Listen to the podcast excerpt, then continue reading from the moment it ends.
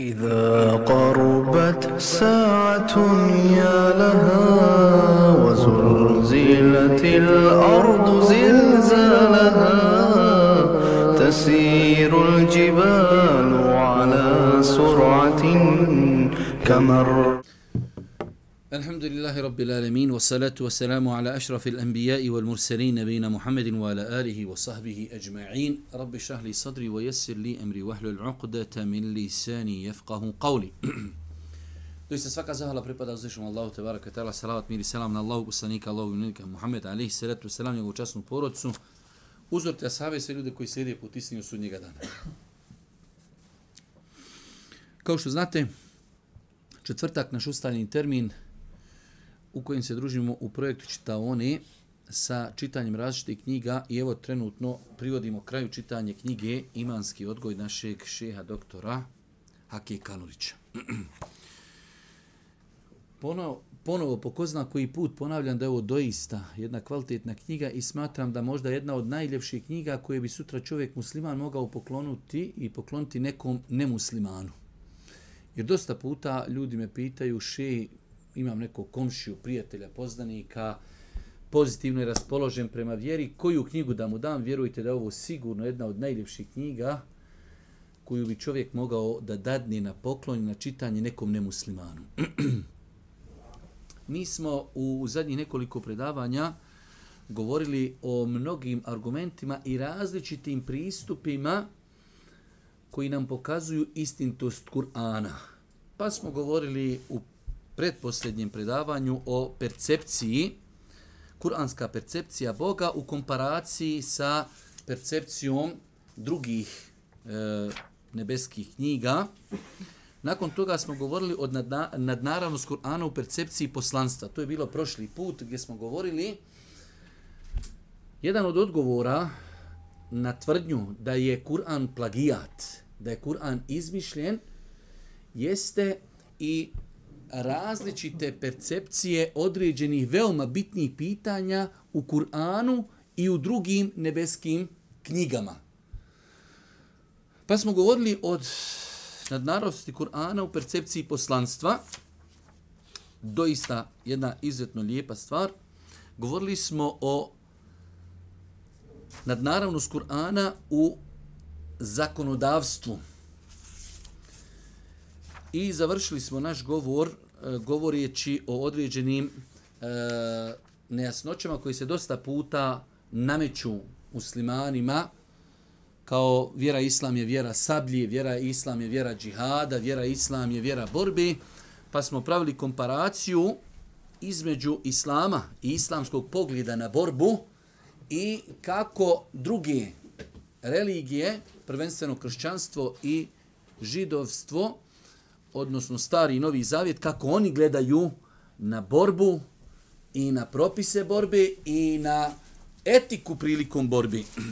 Večeras, ako Bog da, govorimo o historijskim činjenicama u Kur'anu. Znači, jedan sad poseban pristup iz kojeg ćemo jasno, ako Bog da, i to je noćas zadnje predavanje u kojem govorimo eh, na ovu temu i onda ako Bog da prelazimo govoriti o narednom imanskom šartu, a to je vjerovanje u sudnji dan. Ljudi koji ne vjeruju u Kur'an kažu da je Kur'an plagijat i da su mnoge stvari prepisane iz Biblije. E sada, autor na jedan izuzetno lijep i naučan način pokazuje kako na određena pitanja gledaju kršćani i židovi, stari i novi zavjet, I onda donosi percepciju Kur'ana, kako Kur'ana ta pitanja gleda. Totalno različito i kroz tu prizmu se opet dokazuje originalnost Kur'ana. Pa kaže autor na 100, 211. E, stranci, analizirajući istorijske podatke navedene u Kur'anu, primijetit ćemo da se u mnogim detaljima razlikuju od onih spomenuti u starom i novom zavjetu. Znači, ako uzmemo analizu, dobro, ako je Kur'an plagijat, onda bi trebao da navodi iste događaje sa istim podacima. Ne, vidjet ćemo da imaju isti događaj, ali u Kur'anu je spomenuto neš, ništa, nešto što nije spomenuto u Novom i Starom Zavjetu, a nešto što se nije moglo znati osim dok je to nauka potvrdila ili historija potvrdila. potvrdila. Kaže, svjetski spis jevrija i kršćana i njihove usmeni predaje bili su jedini izvor iz kojih se crpilo znanje o drevnim narodima. U vremenu poslanstva nije postojao interes da se ukazuje na nepodobnost Kur'ana, nepodudarnost Kur'ana sa Biblijom, jer bi se te razlike, jer bi te razlike udaljile sedmenike knjige od Kur'ana. Danas mi tek svatamo razliku Kur'ana između Biblije, Novog i Starog Zavjeta. U to vrijeme, inače, vi znate kako je bilo kada je bilo naređeno na početku da se muslimani okreću prema Bejtul Maktisu. Kažu islamski učenjaci, to je jedan bio od razloga da se Ehlul Kitab je u to vrijeme u datom momentu približe islamu da se razlike minimiziraju. I onda kada je 16 mjeseci prošlo, kada je vidjeli da bez obzira što se okreću muslimani prema Bejtul Maktisu, oni neće prijati islam, onda je Allah Žešanu naredio ko je do sad shvatio, shvatio, ko nije shvatio, okrećemo se prema Mekki, okrećemo se prema Kjabi.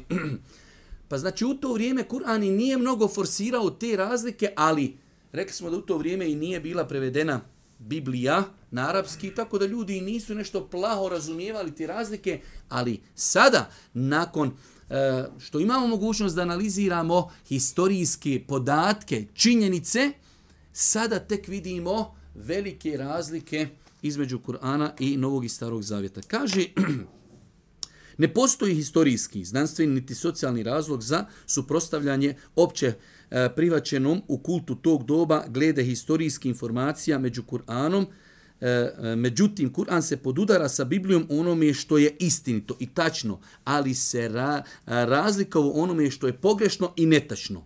Spomenuto u tim izvorima korigovao i greške. I to jeste jedna ta nekada i kažemo nejasnoća gdje ljudi, nemuslimani, kažu pa kod nas se priča o Nuhu, eto i u Kur'anu se priča o Nuhu. Kod nas se priča o Musau i u Kur'anu se priča, to je plagijat. Da, Kur'an govori o istim ličnostima, govori o istim događajima, ali pogledajte kako kaže autor, ukazuje na greške, koriguje greške, i koriguje ono što je neispravno spomenuto u tim izvorima. Kaže, ako se fokusiramo na detalje u kojima se Kur'an razlikuje od Biblije, otkrićemo još jednu stranu kuranske nadnaravnosti koja se ogleda u savršenoj preciznosti i tačnosti u prenošenju historijskih činjenica. E ovo je, ovo je rečenica bitna da i zapamtite na kraju 211. stranci. Ako se fokusiramo na detalje u kojima se Kur'an razliku od Biblije. Otkrićemo još jednu stranu kuranske nadnaravnosti. Razlike, u do... sad će nam autor navesti primjere razlike u događajima između Kur'ana i drugih, znači starog novog zavjeta, pokazuje nam nadnaravnost, pokazuje nam nadnaravnost Kur'ana. Pa kaže evo nekoliko primjera. Faraon za sebe tvrdi da je Bog. Iako znači je to ogromna stvar. Čak najveća stvar da je Faraon za sebe tvrdio da je Bog, to nigdje nećete naći u starom i novom zavjetu. Pa kaže autor, u Tori ne nalazimo bilo kakav znak da je egipatski faraon za sebe tvrdio da je Bog. Dok je časni Kur'an potvrdio tu tvrdnju i onda navodi e, ajete koji to potvrđuju.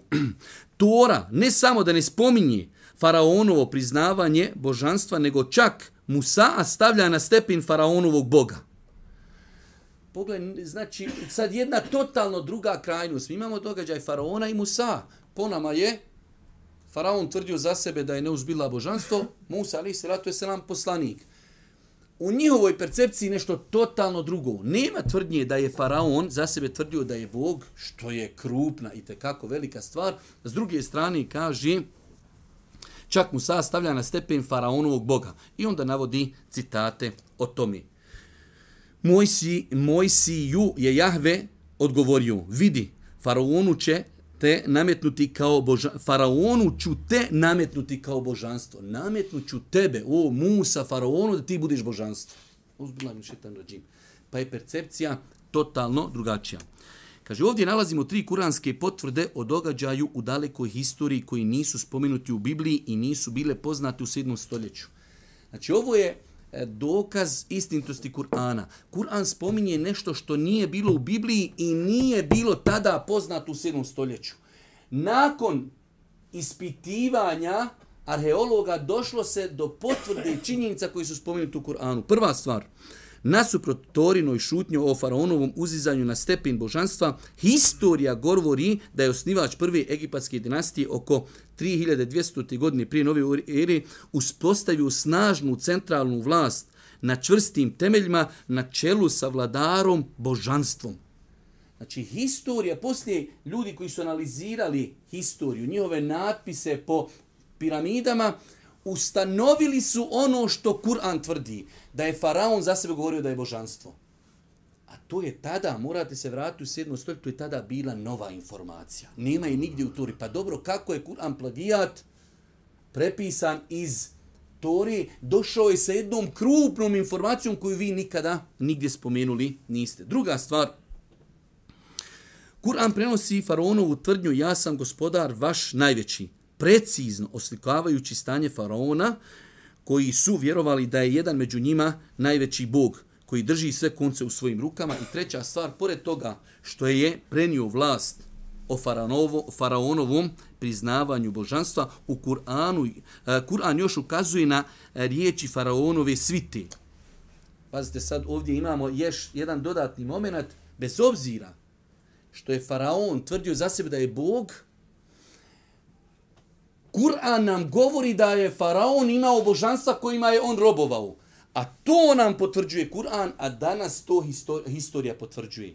Znači sve su to nove informacije koje nam donosi Kur'an, koje nisu bile nigdje prija spomenute. Pa nam ovdje autor spominje, kaže da je svita faraonova, kada on njima spomenuo Musa, kažu, a glavešine naroda faraonova rekoši, zar ćeš ostaviti Musa i narod njegov da nered u zemlji pravi? Pogledajte tu, to vam je ta matrica ista i sad. Da ljudi koji su moralni, čestiti, koji pozivaju dobru, kak, kakav je danas na svjetskoj sceni prikazan vjernik?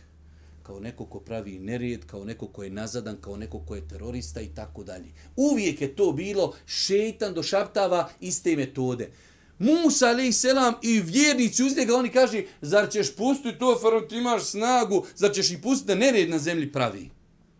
Nastavljaju i da tebe i božanstva tvoja napusti. Tebe i božanstva tvoja. Pa nam ovdje kaže, faraon za sebe tvrdi da je Bog, ali i on sam ima svoja božanstva. Iako to djeluje kontradiktorno, historija Egipta objašnjava obavještava nas da je Ramirez drugi faraon u vremenu Musa za sebe tvrdio da je Bog i sebi je pripisivao stepen najvećeg Boga, ali je i, i pored toga obožavao četiri Boga. Znači, historija nam potvrđuje kada su udnje uzeli i analizirali one znakove po piramidama, da je on ipak imao svoja neka božanstva. Sve nam to otkriva Kur'an, a to u 7. stoljeću kada je Kur'an objavljivan, to su bile nepoznate historijske činjenice. Dobro, možda vam je ovo bilo malo preteško, ali idemo na jednu malo lakšu temu. Ako čitate Novi i Stari Zavjet, vidjet ćete da kad se god govori o Egiptu, uvijek se vladari Egipta nazivaju faraoni.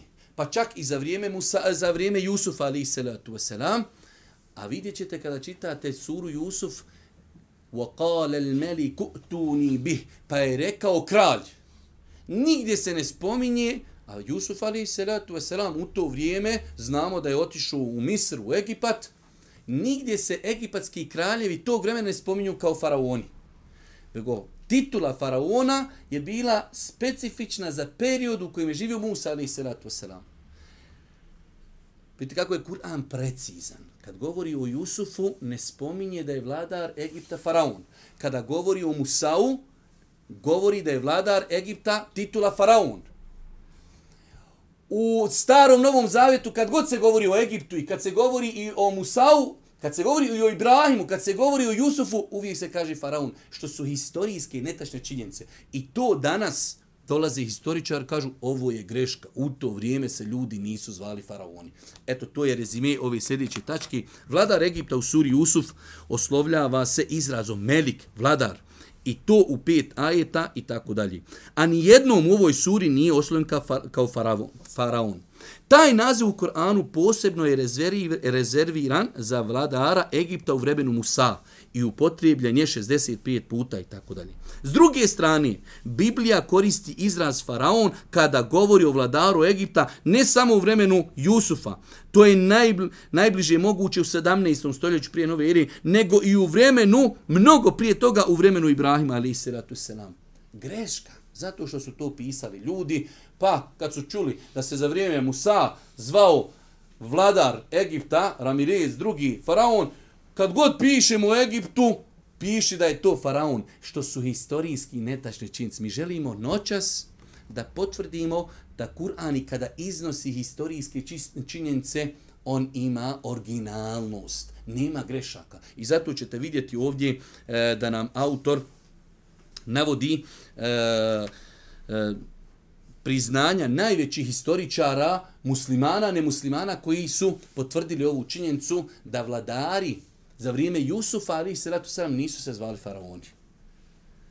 Pa je historijska greška u starom i novom zavjetu za razliku od Kur'ana koji tadašnji kralja naziva Melik.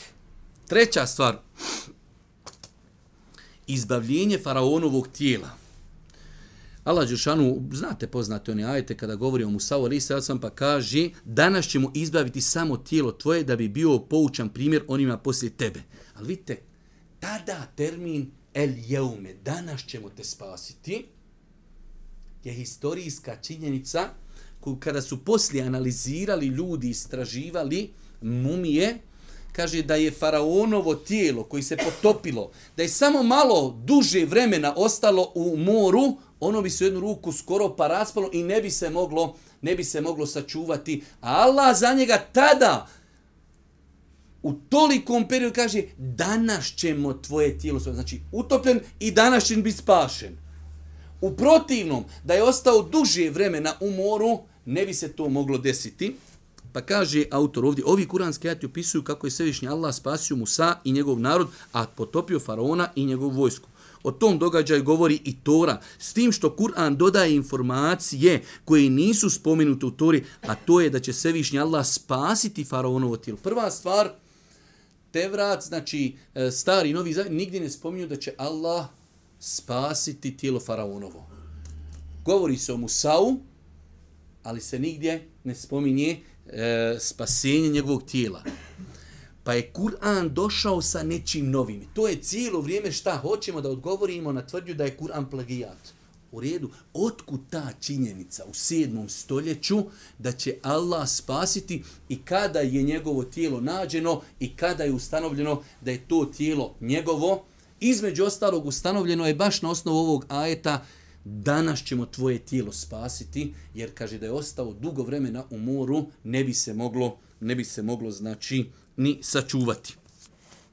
Ovdje imamo, uh, pošto imamo noćas dosta nekih stvari da zaokružimo inšala večerašnju cijelinu, imamo ovdje govor uh, ovih savremenih istraživača koji su potvrdili uh, spomenute stvari. Kaže, gubitak svih tih dijelova i pretrpljeni udara, na, udarci naveli su učenjake na zaključak da je faraon, faraona snašla strašna smrt u utapanjem. Jer znači njegovo tijelo je bilo, ajde da kažemo, iskasapljeno, izudarano na način kako naučne činjice samo potvrđuju da može biti e, udaren i iskasapljen čovjek koji se utopio. A u svemu tome opet sačuvan. Da je ostao samo duži vremena u vodi, ne bi se moglo sačuvati. Rengenom je ustanovljeno da nema tragova rasipanja kostiju oko rupa i e, lomova, a to je dokaz da je gubitak tih dijelova uzrokovan udarcima dok je faraon bio živ. I onda on navodi ovdje mm, m, e, govor tih e, istraživača. Također je ukazano na to da ako bi tijelo ostalo duži period u vodi, mumificiranje ne bi bilo moguće i, uka, e, i ukazao je na zin, zanimljiv detalj koji Kur'an naglašava da je tijelo tog faraona izbavljeno iz vode u istom danu u kojem je umro, el jeumenu neđike, danas ćemo te spasti. Znači, istraživači nemuslimani kažu da je tijelo faraonovo ostalo u moru više dana takvo polomljeno i tako izudarano, skrhano, ono bi se raspalo. Allah prije 1600 godina u 7. stoljeću, kada su to bile nepoznate činjenice u Novom i Starom Zavjetu, donosi novi podatak da će faraonovo tijelo biti sačuvano i ne samo sačuvano, da će biti tog istog dana izbavljeno iz vode. Znači ovdje opet E, da vas uvedemo u, u, u priču, donosimo historijske podatke koji nisu prisutni ni u Novom ni Starom Zavjetu, koji su potvrđeni današnjom naukom, i stoga shvatamo da Kur'an nemoguće da je plagijat i da je da je prepisan. Dobro. Uspinjanje faraona ka nebu. Imamo ajete gdje fa, faraon govori Hamanu, sagradi mi jedan toranj, ne bili stigao do staza, staza nebeskih, ne bili se popeo do Musaovog boga. Danas egiptolozi govori o ubjeđenju koje je vladar u vremenu faraona e, vladalo u vremenu faraona, da je faraon bio u stanju popeti se na nebo putem stubišta i tornjeva kako bi se tu sreo sa Bogom. Subhanallah, vidi, oni danas na osnovu čitanja onih hieroglifa i ostalih znakova iznalazi da su, ljud, da su u to vrijeme ljudi vjerovali da, da faraoni imaju svoja stepeništa koja ih vodi do gospodara, da sa njim razgovaraju, a Kurna, Kur'an nam o tove govori u 7. stoljeću, a te stvari su nepoznate, nisu spomenute u e, starom niti novom e, znači zavjetu. Mnogi naučnjaci, E, poznavoci starog Egipta smatraju da su drevni Egipćani bili uvjereni da su i same piramide sredstvo putem kojeg su faraoni dostizali nebesa. Znači, čak i to je jedan od, kao zašto piramida, da oni preko piramida, svrha piramida mogu, mogu razgovarati tobe jareb sa Allahom, gospodarom zemlje nebesa. Historijske činjenice, uvođenje asketizma, monaštva i celibata. Allah Đelšanu u suri Al-Hadid, kada govori o kršćanima, kaže u ovim dužim ajetima, dok su monaštvo oni sami kao novotariju uveli. Pazite, Boži poslanik Ali se ratu selam pojavio se u 7. stoljeću. U to vrijeme već je bilo na snazi da je znači e, celiba, da je to vjera. Otkud njemu poslaniku u 7. stoljeću činjenica da su to kršćani uveli da je to kod njih novotarija. Da je on a rekli smo sto je drugi faktora koji potvrđuju da nema nikakve teoretske šanse, ali evo poznavao je kršćanstvo i čitavao je Bibliju, on bi trebao da, ako nešto već o kršćanima piši, da e, to njihovo ostavljanje ženitbe spomene u nekom pozitivnom kontekstu. Ne, Allah Đelešanuhu spominje da su to oni uveli kao novotarija u vjeru. Pa kaži, dok su monaštvo oni sami kao novotariju uveli, mi im ga nismo propisali, Allah kaže, mi im ga nismo propisali, u želji, to su oni uradili, u želji da steknu Allaho zadvoljstvo, ali oni o njemu ne vode brigu onako kako bi trebalo. I to što su uveli sebi i obavezali se, i to ne ispunjavaju kako treba. I vidjeli ste danas koliko se afira napravo, pa dobro, ako se već odao tome i ako živiš, pa vrate, strpi se, strpi se. Ne, malo, malo afera i malo, malo problemi koje možete slušati na svakom koraku. Pa su oni sebi to nametnuli, a i toga se nisu e, pridržavali. Pa kaži, ispošni, isposništvo je bila jedna od istaknuti obilježa kršćanstva u 7. stoljeću.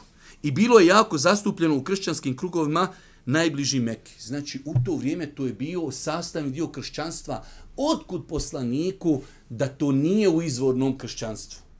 Već mu objavljuje uzvišeni Allah. On tu informaciju historijsku nije mogao imati osim objavom od uzvišenog Allaha subhanahu wa ta'ala. Isto tako od historijskih činjenica koji nam potvrđuju nadnaravnost Kur'ana jeste broj Izraelčana u Egiptu. Vi znate da je Jusuf alaih salatu wasalam došao sa svojom porucom u Egipat. Po nekim predajama njih je bilo 70 i ostali su tu nekih sad se opet historijske knjige razilazi, ali ostali su neki 200 do 300 godina tu. E sada, Kur'an kada govori o tome kada je faraon stigao od njih, jer oni bježe od njega, kaže riječ širzimetun kalilun. Bjednici, skupina mala.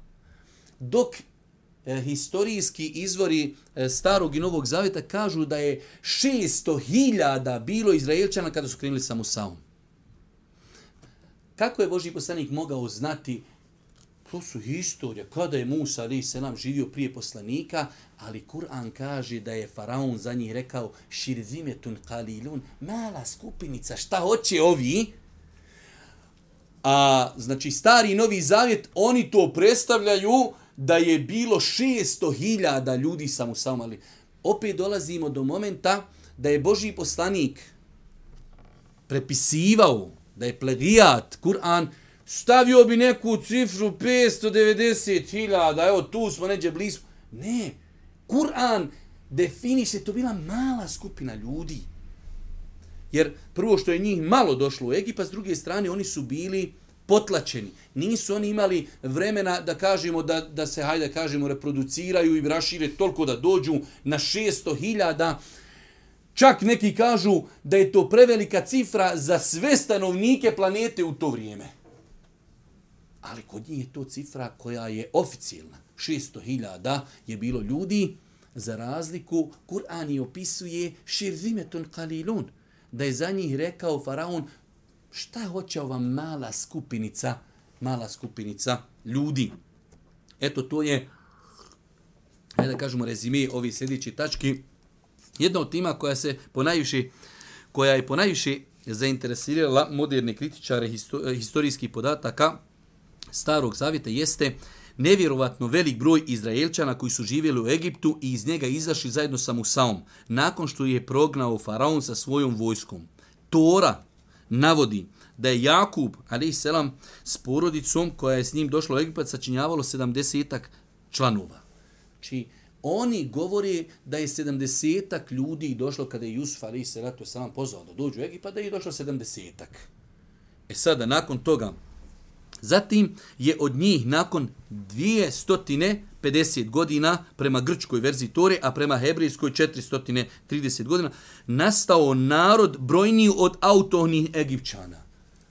Ovi došli ko neki muhađiri, ono, tu su neđe u čošku, e, tiranija nad njima totalna, oni su prostigli brojem broj Egipćana koji živi u Egiptu.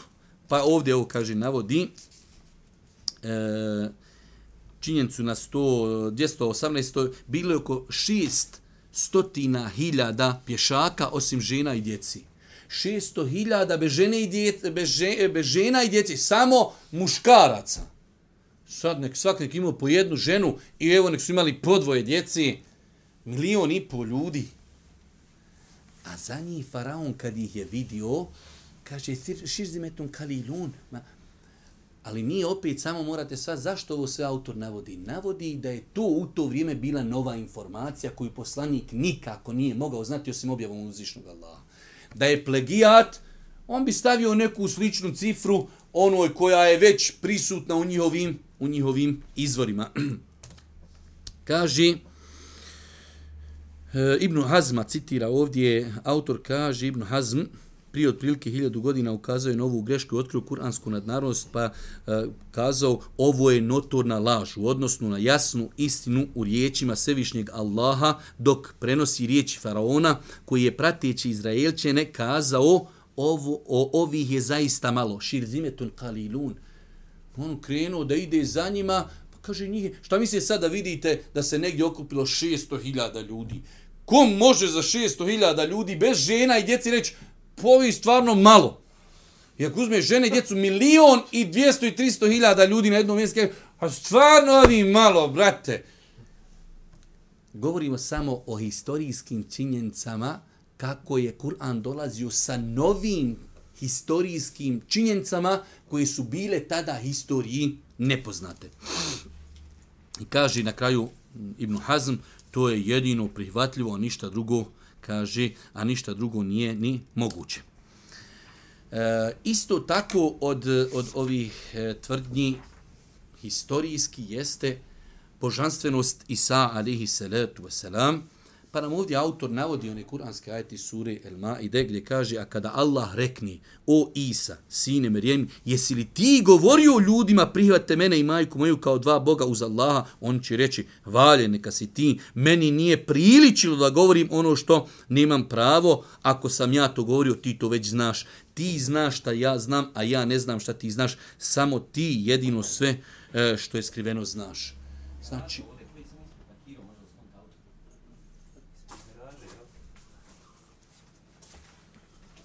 jesi ispred garaži i ne treba se parkirati, Allah vas nagradio.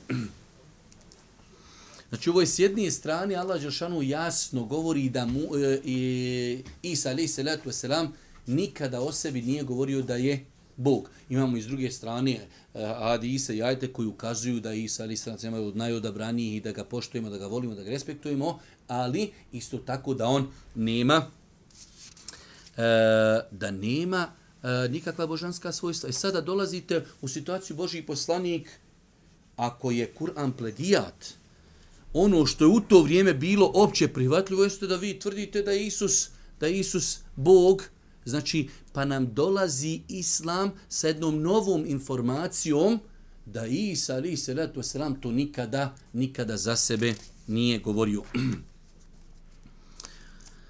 e, ovo su do sad bile historijske činjenice. Mm, znači, ja sam to malo skratio kako bi ako Bog da mogli do kraja predavanja da priđemo e, ovi ostali ako Bog da stvari. E sada nam autor prelazi u jednu novu i to je znači posljednja stvar e, u kojoj govori o nadnaravnosti Kur'ana, o dokazima koji govori i potvrđuju njegovu istinu jeste govor o određenim naučnim činjenicama opet u komparaciji između Kur'ana i Starog i Novog Zavjeta stvari koje danas nauka potvrđuje. Pa kaže na 220. stranici naučna nadnaravnost Kur'ana. Svevišnji Allah stavio je sebi u obavezu ljudima predočiti dokaze koji ukazuju na istintost Kur'ana časnog i Muhammedove, sallallahu alaihi poslanici. Rekao je uzvišeni Allah, mi ćemo im pružati dokaze naše u prostranstvima svemira, a i u njima samima dok im ne bude sasvim jasno da je Kur'an istina. Allah se obavezao da će ljudima davati dokaze u svemiru, a i u njima samima ono što će im potvrditi da je Kur'an i da je Muhammed i da je Islam istina, originalan, da je od uzvišnog Allaha subhanahu wa ta'ala. Ashabi Allahu poslanika, prva generacija muslimana, živjeli su s poslanika i bili su u prilici svjedočiti brojnim, osjetilnim čudima koja se dešala Allahom poslaniku i zajedno s njim su e, proživjeli situacije kroz koje su E, E, koje su e, potvrđivali svoje ubjeđenje u istintost poslanika, e, poslanstva Allahog poslanika. Znači oni su živjeli s poslanikom kad ti vidiš mjesece popolovio, vidjeli ste, plaće panj na kojem je Boži poslanik držao hudbu, stavi svoje ruke u malo vodi, provrije voda, pa se par stotina ljudi napije i tako mnoge, mnoge muadžize oni su vidjeli i vjerovali su. Ali šta je sada s nama? Ostaje da mi vidimo naučne činjenice koje je Kur'an tada spomenuo, a da ih vidimo kako su tretirane u starom i novom zavjetu i onda da shvatimo da je Kur'an autentičan. Kako, kako je Kur'an posljednja Božja objava, nakon koji neće više biti objavi, on nužno sadrži ono što će potvrditi njegovu autentičnost i istintost svim generacijama sve do konca ovog svijeta. Ovo je veoma bitna stvar. Znači, vidite, te noća se autor stvarno, vidite danas kako je tehnologija otišla daleko. Autor je, kao što smo govorili da je najveći dio mu'đize Kur'ana, između ostalog i ta jezička forma Kur'ana, ne, danas nam autor pristupa, pogledajte dok je otišla nauka i tehnologija, e, kao što je Kur'an bio izazov Arapima u arapskom jeziku, danas je Kur'an izazov nauci i dajte mi jedno naučno otkriće da je nauka nešto rekla, evo ovo iz Kur'ana nije tačno. Već ovo je danas vrijeme nauke, a danas Kur'an potvrđuje, znači nauka potvrđuje kur'anske i teorije, i tvrdnje, i podatke, i dokaze. Pa je i u današnje vrijeme Kur'an izazov i odgovor. Pa zato kaže autor, ovo je skupa rečenica koju ćete teško naći na drugom mjestu, kaže kako je Kur'an posljednja Božja objava, nakon koje više neće biti objava, on nužno sadrži ono što će potvrditi njegovu autentičnost i istinitost svim generacijama. Jer je Allah obećao, mi ću vam pokazivati i u nebesima, i u svemiru, i u vama samima dokaze da je Kur'an istina, da je gospodar istina, da je Islam istina, samim tim, ako vjerujemo da nema više poslanika, nema više objavi, e onda taj Kur'an mora imati u sebi dokaze sve do sudnjega dana. Kaže auto, šaljući svoje poslanike, svevišnji Allah davao im je nadnaravna čuda kojima su potvrđivali istinto svojih poslanica. U pravilu su ta čuda bila upravo na onom polju u kojem se dotični narod isticao u kojem je bio vješt i po kojem je bio poznat. Tako je vrijeme Musa bilo rasprostranjeno i popularno e, sihr, čarobnjaštvo, te uzvišeni Allah Musa podario štab koji se pretvarao u pravu zmiju, što je formom nalikovalo čarobnjaštvu, ali je bilo za čarobnjake nedostižno. U vremenu Isa popularna je bila medicina, te je Allah ovom poslaniku dao da njegovom dozvolom oživi mrtvog i da od rođenja slijepom podari vid, što je i za medicinu nedostižno. Znači, kad god u jednom vremenu se nešto isforsira, Allah je poslanicima davao muđizu baš iz tog segmenta kako bi se potvrdila istintost poslanici datog poslanika. Pa svi znamo da Kur'an govori i to je opće poznata neka, hajde da kažemo, e, činjenica na svjetskoj sceni, Egipat, faraoni, sihribazi i tako dalje.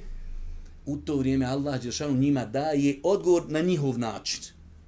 I dolazi čak do, do, do direktnog, hajde da kažemo, kontakta između sihribazi došli da brani svoj batil, došao Musa ali se letu selam pa bacio štap, pa zmija, pa pojela, pa uništila sve.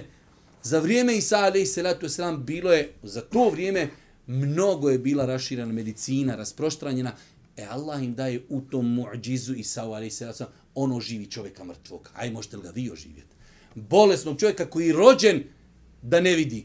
Isa alaih salatu wasalam, selam, a šta smo rekli? Bi izni, bi izni la, Allahovom voljom izliječi slijepog, gubavog, mrtvog oživi. E sada autor nam kaže, naše savremeno doba uveliko je obilježila znanost i moderna tehnologija, a s obzirom na to da je Kur'an knjiga upute i za ovo naše vrijeme, prirodno je da neka njegova čuda budu u vezi s glavnim obilježjem ovog vremena naučnim napretkom. Allah mi kako, kako je to lijepo povezano.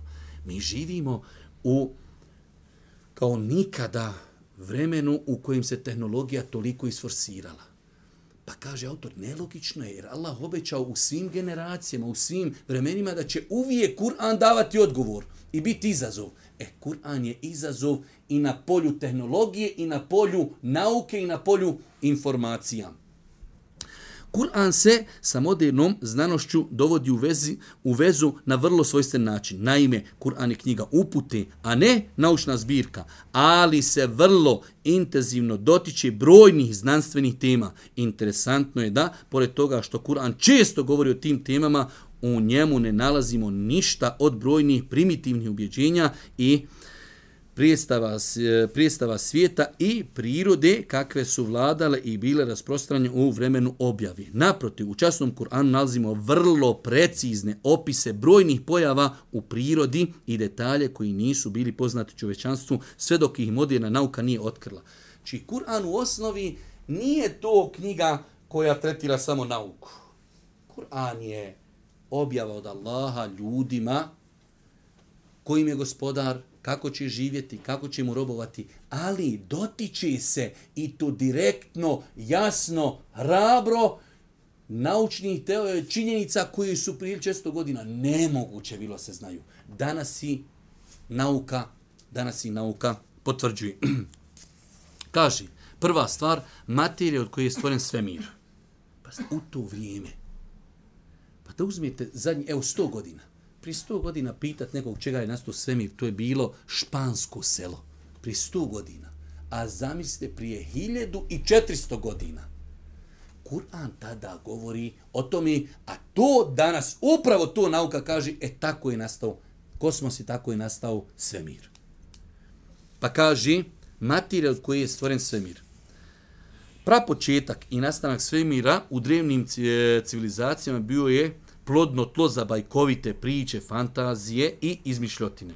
Naučna naobrazba u 7. stoljeću nove ere, kada je objavljen Kur'an, bila je na jako niskom nivou. Pored toga, Kur'an vrlo odvažno govori o tim temama, dajući ljudima našeg doba priliku da putem znanstvenih dostignuća testiraju istintost kuranskih stavova.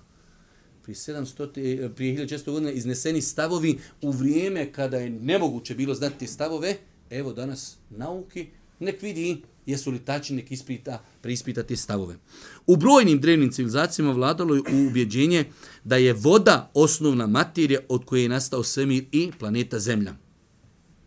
To je percepcija drevne egipatske civilizacije i stav nekih poznatih grčkih filozofa, a taj stav zastupali su i kršćani, jer na to ukazuju, jer na to ukazuje njihova sveta knjiga i on citira dokaze na osnovu koji su kršćani smatrali da je sve nastalo i svemir od vodi. Mi smatramo da je čovjek stvoren od vodi, ali svemir to je nešto drugo. Kaži, impozantno je da Kur'an izabere pravac suprotno toj drevnoj legendi, eksplicirajući da su nebesa i zemlja prije svoje pojave bili dim.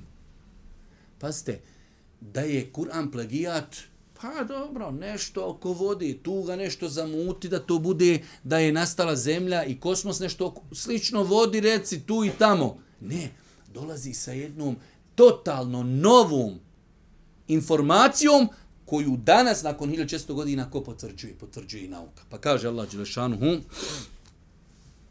zatim se usmjerio nebu, a ono je bilo duhan, wahije duhan, ono je bilo dim, bio je duhan, pa rekao njemu i zemlji, dođite milom i silom. Rekoše, dolazimo poslušno.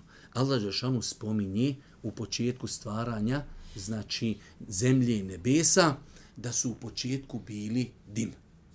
Nikako voda.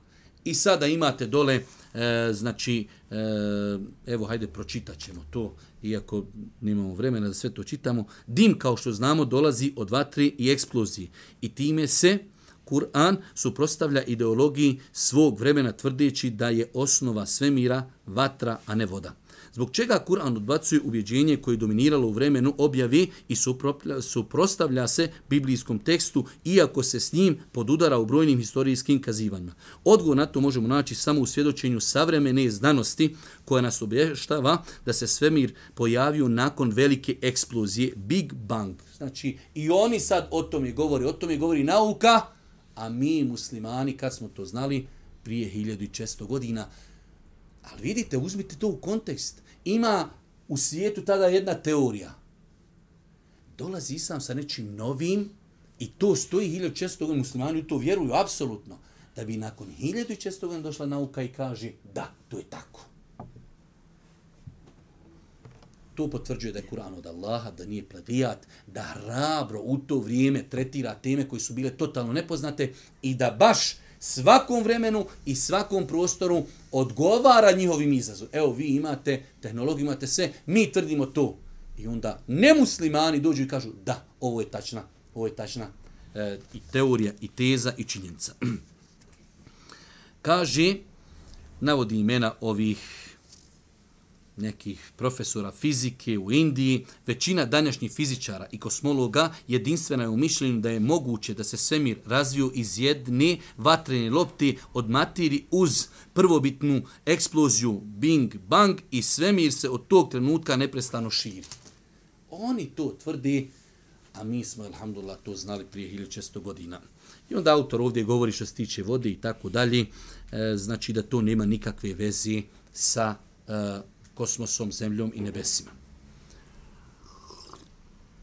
Druga stvar, naučna stvar, koju je Kur'an tretirao prije 1600 godina, e, novi i stari zavet imaju drugačije stavove, a nauka potvrđuje ono što je Kur'an rekao, jeste smrt sunca i zvijezda.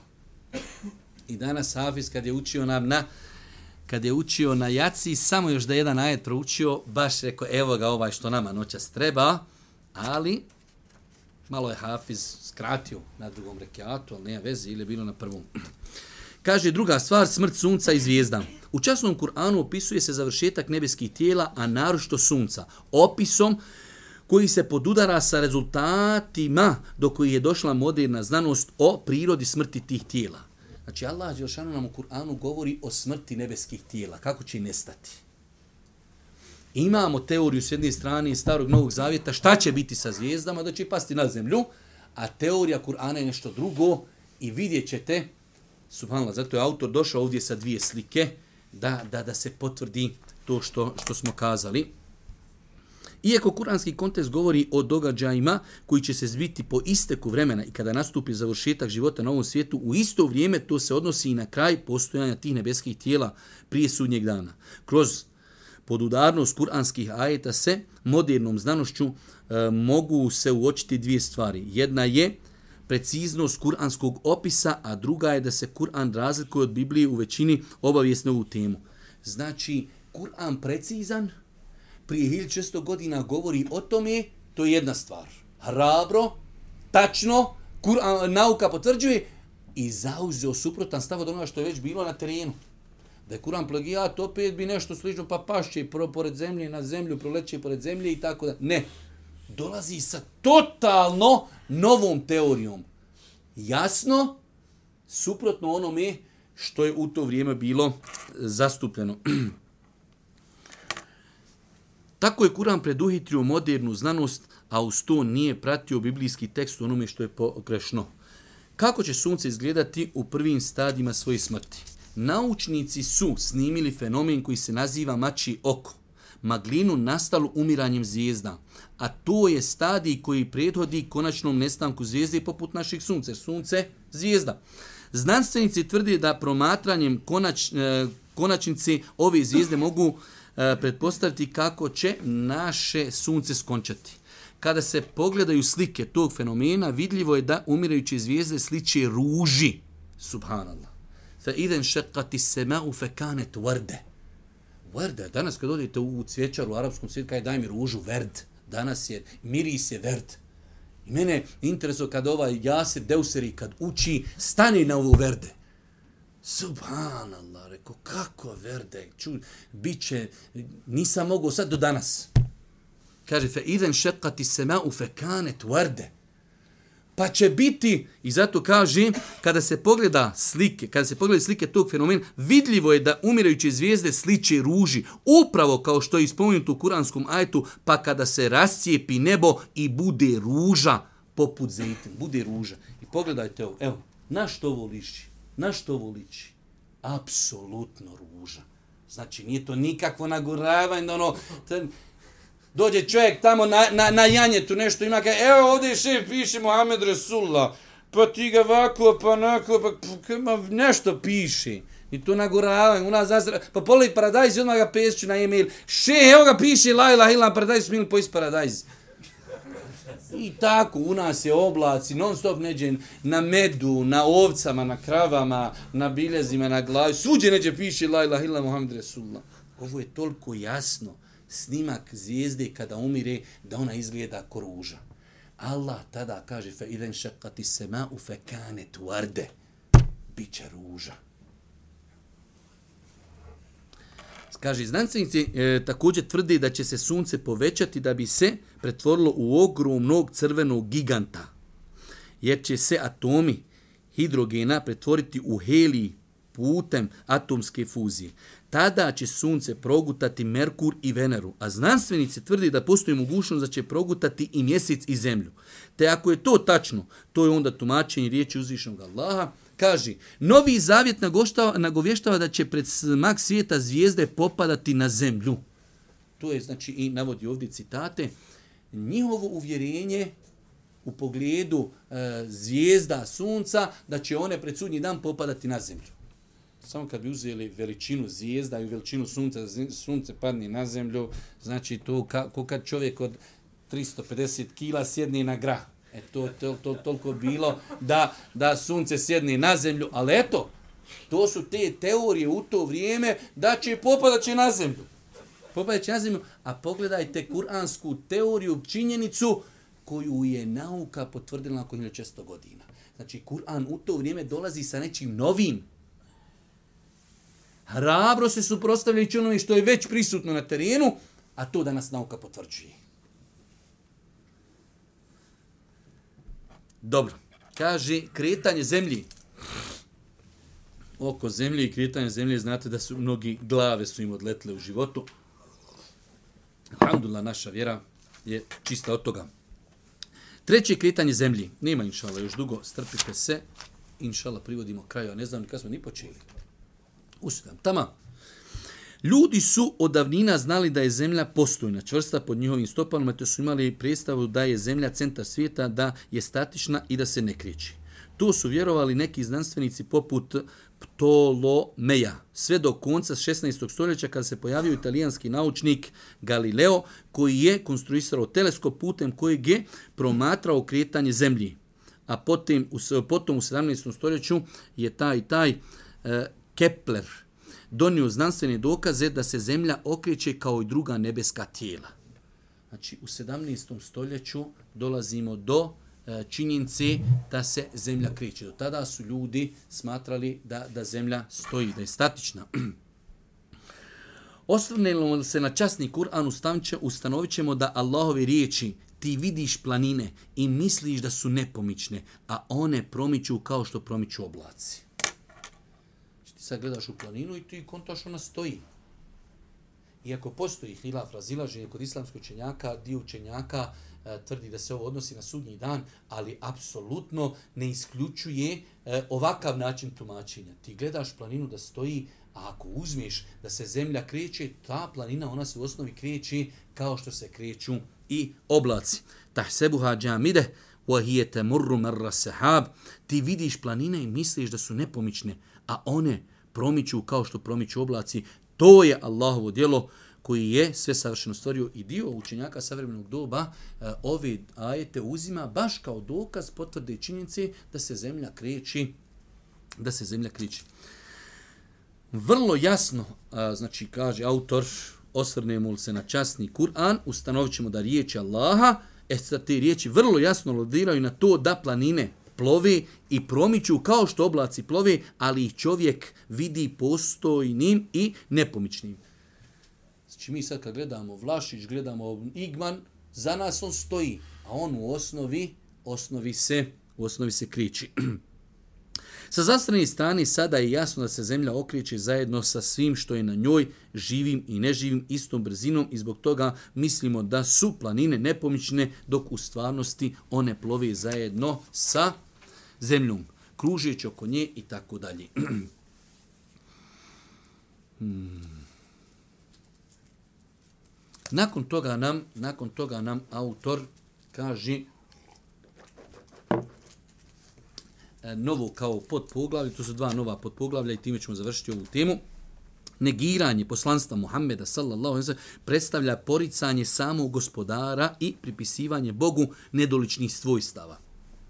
Više kako ovdje sad autor na jedan racionalan način pristupio Dobro, mi smo cijelo vrijeme govorili, e, dokazujemo da je Allah poslanik ali sam istina, pa vidjeli ste e, kroz različit način pristupa informacija, mi smo to dokazali i doista to kažem, ovu knjigu ko pročita i ne povjeruje u istinitost Muhammeda ali salam, u istinitost e, Kur'ana, e, teško to može e, objektivna osoba toliko je, toliko je jaki dokaza jaki činca da je, da ne, pred njih, ne može čovjek ostati pred njima, a da u njih ne povjeruje. Ali e, opet u svemu tome autor dolazi sad s jedne strane i druge, a racionalno, dobro, Muhammed Ali salatu selam, ako po vama nije istina, a pozivao se na Boga, da li je Bog znao šta on to radi? Ako kažeš nije znao, pa onda to be Arabi Boga opisuješ kako ne treba. Ako je znao, dozvolio mu da toliko laži na njega iznese i da se toliko njegova ta lažna vjera proširi i da ga toliko ljudi štiti, e, slijedi u dalaletu, a znamo da ljudi koji su se bogohulili, koji su lagali na Boga, da u većini slučajeva ili su brzo završili ili nemaju danas nikakvog spomina. Pa kaže autor, ako Muhammed u očima onih koji ne vjeruju u njegovo poslanstvo, nije istinski vjerovijesnik, nego lažac i nepravilni vladar, onda mu je išlo na ruku onda mu je išlo na ruku da iznosi potvoru na Boga i koje šta priča o njemu. Činijeći to tako sve dok nije sam počeo određivati šta je dozvoljeno, a šta je zabranjeno, te donositi vjerske propise i tako dalje. Znači, lagao na Boga, izmišljao propise, izmišljao informacije, sve pod plaštom da on to dobiva posredstvom Džibrila od Allaha, Želešanu gospodara zemlje i nebisa. Sada, e sada, ovo je jedan racionalni pristup. Kaže, sada pitamo one koji sumnjaju u poslanstvu Muhameda. Da li je Bog znao za sve što on čini? E, Vidjeli ste tamo kad smo pravili usporedbu percepcija Boga u islamu, novi i stari zavjet, pa onda tamo imate toliko stvari, Bog nije znao da je se onaj napio, Bog nije znao gdje je ošao Adem i Hava, oni se izgubili, Bog hodao po džennetu, tražio i zvao i... Kod njih to more nekako i proći. Kod nas ne može proći, kod nas po našoj percepciji je Bog savršen. Sve zna, sve vidi, sve čuje, zna šta je bilo, šta će biti njima ovaka nekad prije kad postojiš, to kod njih, kaj še safet podrazno, može i proći, ne, kod nas ne može proći. Pa kaži, sada pitam one koji sumnjaju u poslanstvo Muhameda, da li je Bog znao za sve što on čini, ako bismo rekli da nije, time bismo slagali na Allah i pripisali mu neznanje. Znači, Čekaj, dobro ljudi, taj Muhammed živio na toj nekoj planeti, dobro, i vi kajte ima neki Bog šalje i poslanike i tako, trojstvo, ovako, onako, gore, dole, dobro, Je znao taj Bog za tog Mohameda koji je izmislio po vama tolike propise, tolike laži o džennetu, o džehennemu, ovako, o... je li znao Bog? Ako kažeš nije znao, to be jarbi, božanstvo Boga, gospodara zemlje i nebesa se opisao nečim što ne doliči. Dobro, kaži, ako pa kažu da je Bog znao i promatrao, pitamo ih da li je Bog u stanju tu spriječiti ili ne. Dobro, je li po vama Bog sve mogući? Pa jest. Pa, ako je sve mogući da 23 godine pusti nekoga da na njega laži. Mi danas na Dunjalku, neko danas složi na pa ti kaj, pa dobro, osobo, preko sta, preko četiri dana odeš, slomiš čovjeka i završena stvar. Brate. Pa dobro, tri put slogo na četiri, pi, pol godine, godinu. Pa veći od mene, sto, pa pošalim ti ja trojicu jarana, sačekaju te u haustoru, slomite, stavite u paketić tamo gdje se stavljaju pošiljka, ona pisma i to je to. Gospodar sve mogući, dobro, znao, je li mogu? Je li moguće da gospodar zemlje i nebesa vidimo kroz historiju kako su završavali faraoni, kako su završavali tirani, ako ova je tiranin, nepravedan, laži na Boga, Kako ga Bog nije uništio? Završio na najčasniji, na najljepši način. Njegova se vjera proširila na, na polovini današnje, znači zemaljske kugle su muslimani. Je li to moguće da je to sve gospodar koji to mogu spriječiti da to nije spriječio? I da je toliko dozvolio da se toliko laži prostru po zemlji. Pa kaži, Ako pa kažu da je Bog to znao i promatrao, pitamo ih da li je Bog u stanju to spriječiti ili ne. Ako kažu da nije, može li to Bog spriječiti? Pa ne može. Pa opet se vraćamo neispravan percepcija Boga. Svemogući, sveznajući.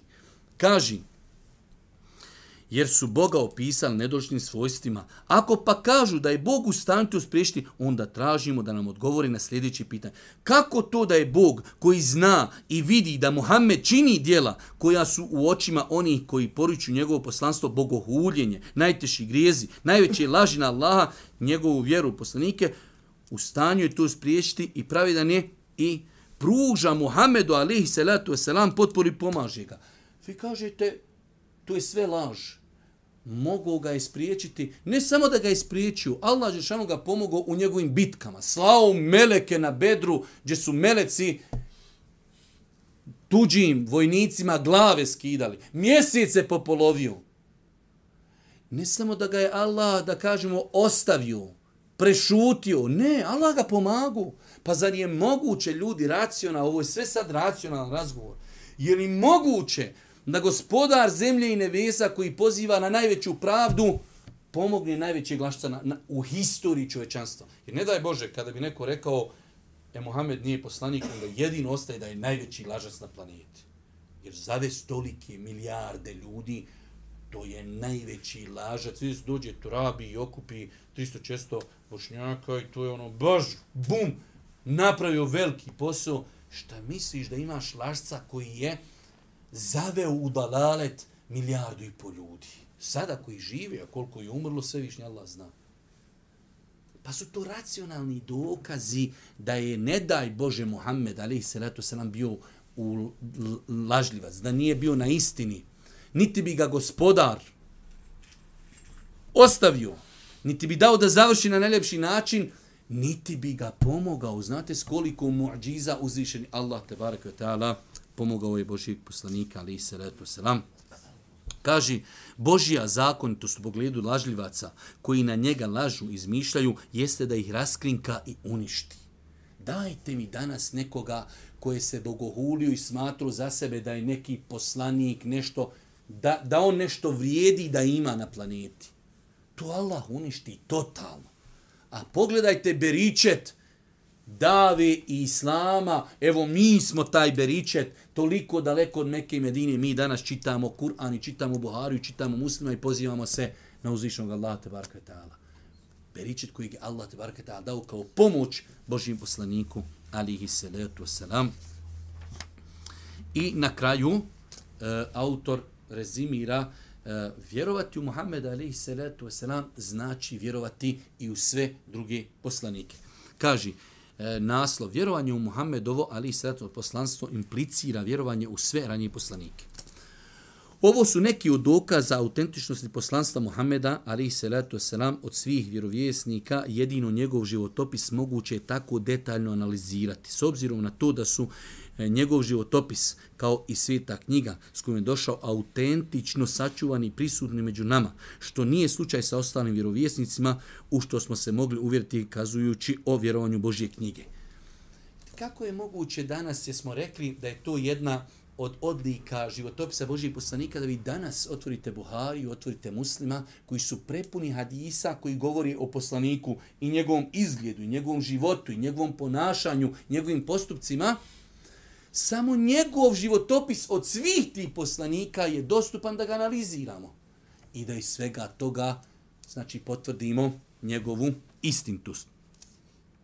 U odsustvu autentičnog životopisa koji bi nas upoznao s detaljima misije onoga ko tvrdi da je poslanik, nemoguće tim putem dokazati i po, e, e, provjeriti tu tvrdnju. Međutim, vjerovanje u poslanstvo posljednjeg Božijeg poslanika Muhameda implicira vjerovanje u sve prijethodne poslanike koji uzvišeni Allah slao ljudima. Svevišnji Allah u časnom Kur'anu kaže oni koji u Allaha i poslanike njegove ne vjeruju i želije da između Allaha i poslanika njegovih u vjerovanju napravi razliku i govori u neke vjerujemo, a u neke ne vjerujemo i želije da između toga nekakav stav zauzmu oni su zbilja pravi nevjernici, a mi smo nevjernicima pripremili sramnu patnju.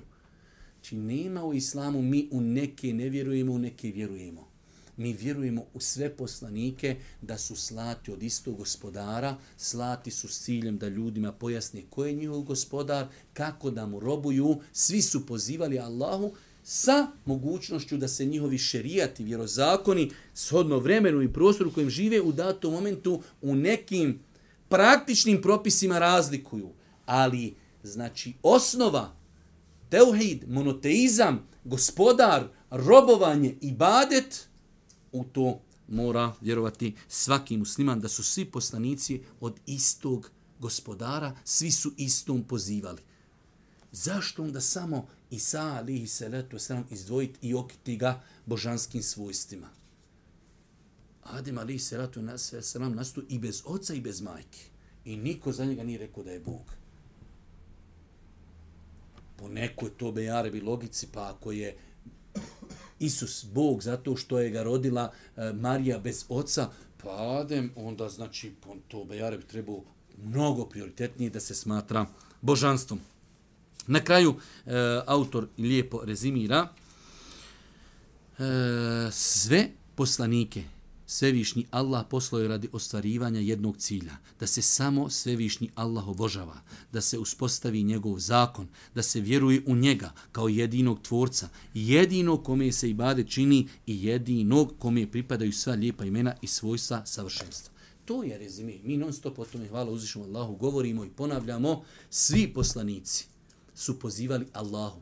I vjera od početka do kraja je islam. Ja znam da to ljudi misle da mi to nešto svojatamo. Mi ne svojatamo. Pogledajte, mnoge kuranske ajete Allah Đeršanu govori da je vjera kod Allaha samo islam. Da su se mnogi prethodni poslanici deklarisali kao muslimani. Jer u osnovi musliman znači pokoran. Islam, pokornost. Pa su svi poslanici pozivali islamu. Svi poslanici od istog gospodara, svi poslanici osnovna zadaća pojasniti ljudima nakon što se zatru tragovi poslanici da se ljudi poduči da im se pojasni to je vaš gospodar, to su dokazi, tako ćete mu robovati da ljude poduči putevima koje vodi uzvišom Allahu subhanahu wa ta'ala. E, ovi zadnji neki pet ili šest predavanja doista su, doista su e, izuzetno i interesantna i korisna. E, lijepo je ovu knjigu imati u svojoj knjižnici čitati i iščitavati mnoga ova pitanja, mi ćemo se s njima sresti da li na Facebooku, da li u životu, da li u razgovoru sa ljudima. Dobro je da čovjek vjernik ne mora zapamtiti sve, ali da generalno a, zna odgovoriti na određene nejasnoće koji se dosta puta nakon onšolantno ono plasiraju poslanik, Muhammed, ovako, onako, Kur'an, plagijat i tako dalje. Dobro je da čovjek ima neki 4, 5, 6, 7, 10 dokaza koji jednostavno e, jasno odgovaraju na takve tvrdnje. Ako Bog da od sljedećeg puta e, govorimo o vjerovanju u sudnji dan i nakon toga ostaje nam ako Bog da i kader i, i nakon toga ako Bog da počinjemo sa novom knjigom. Subhanak Allahumma wa bihamdika bihamdike, an la ilaha illa anta astaghfiruka wa atubu ilaik.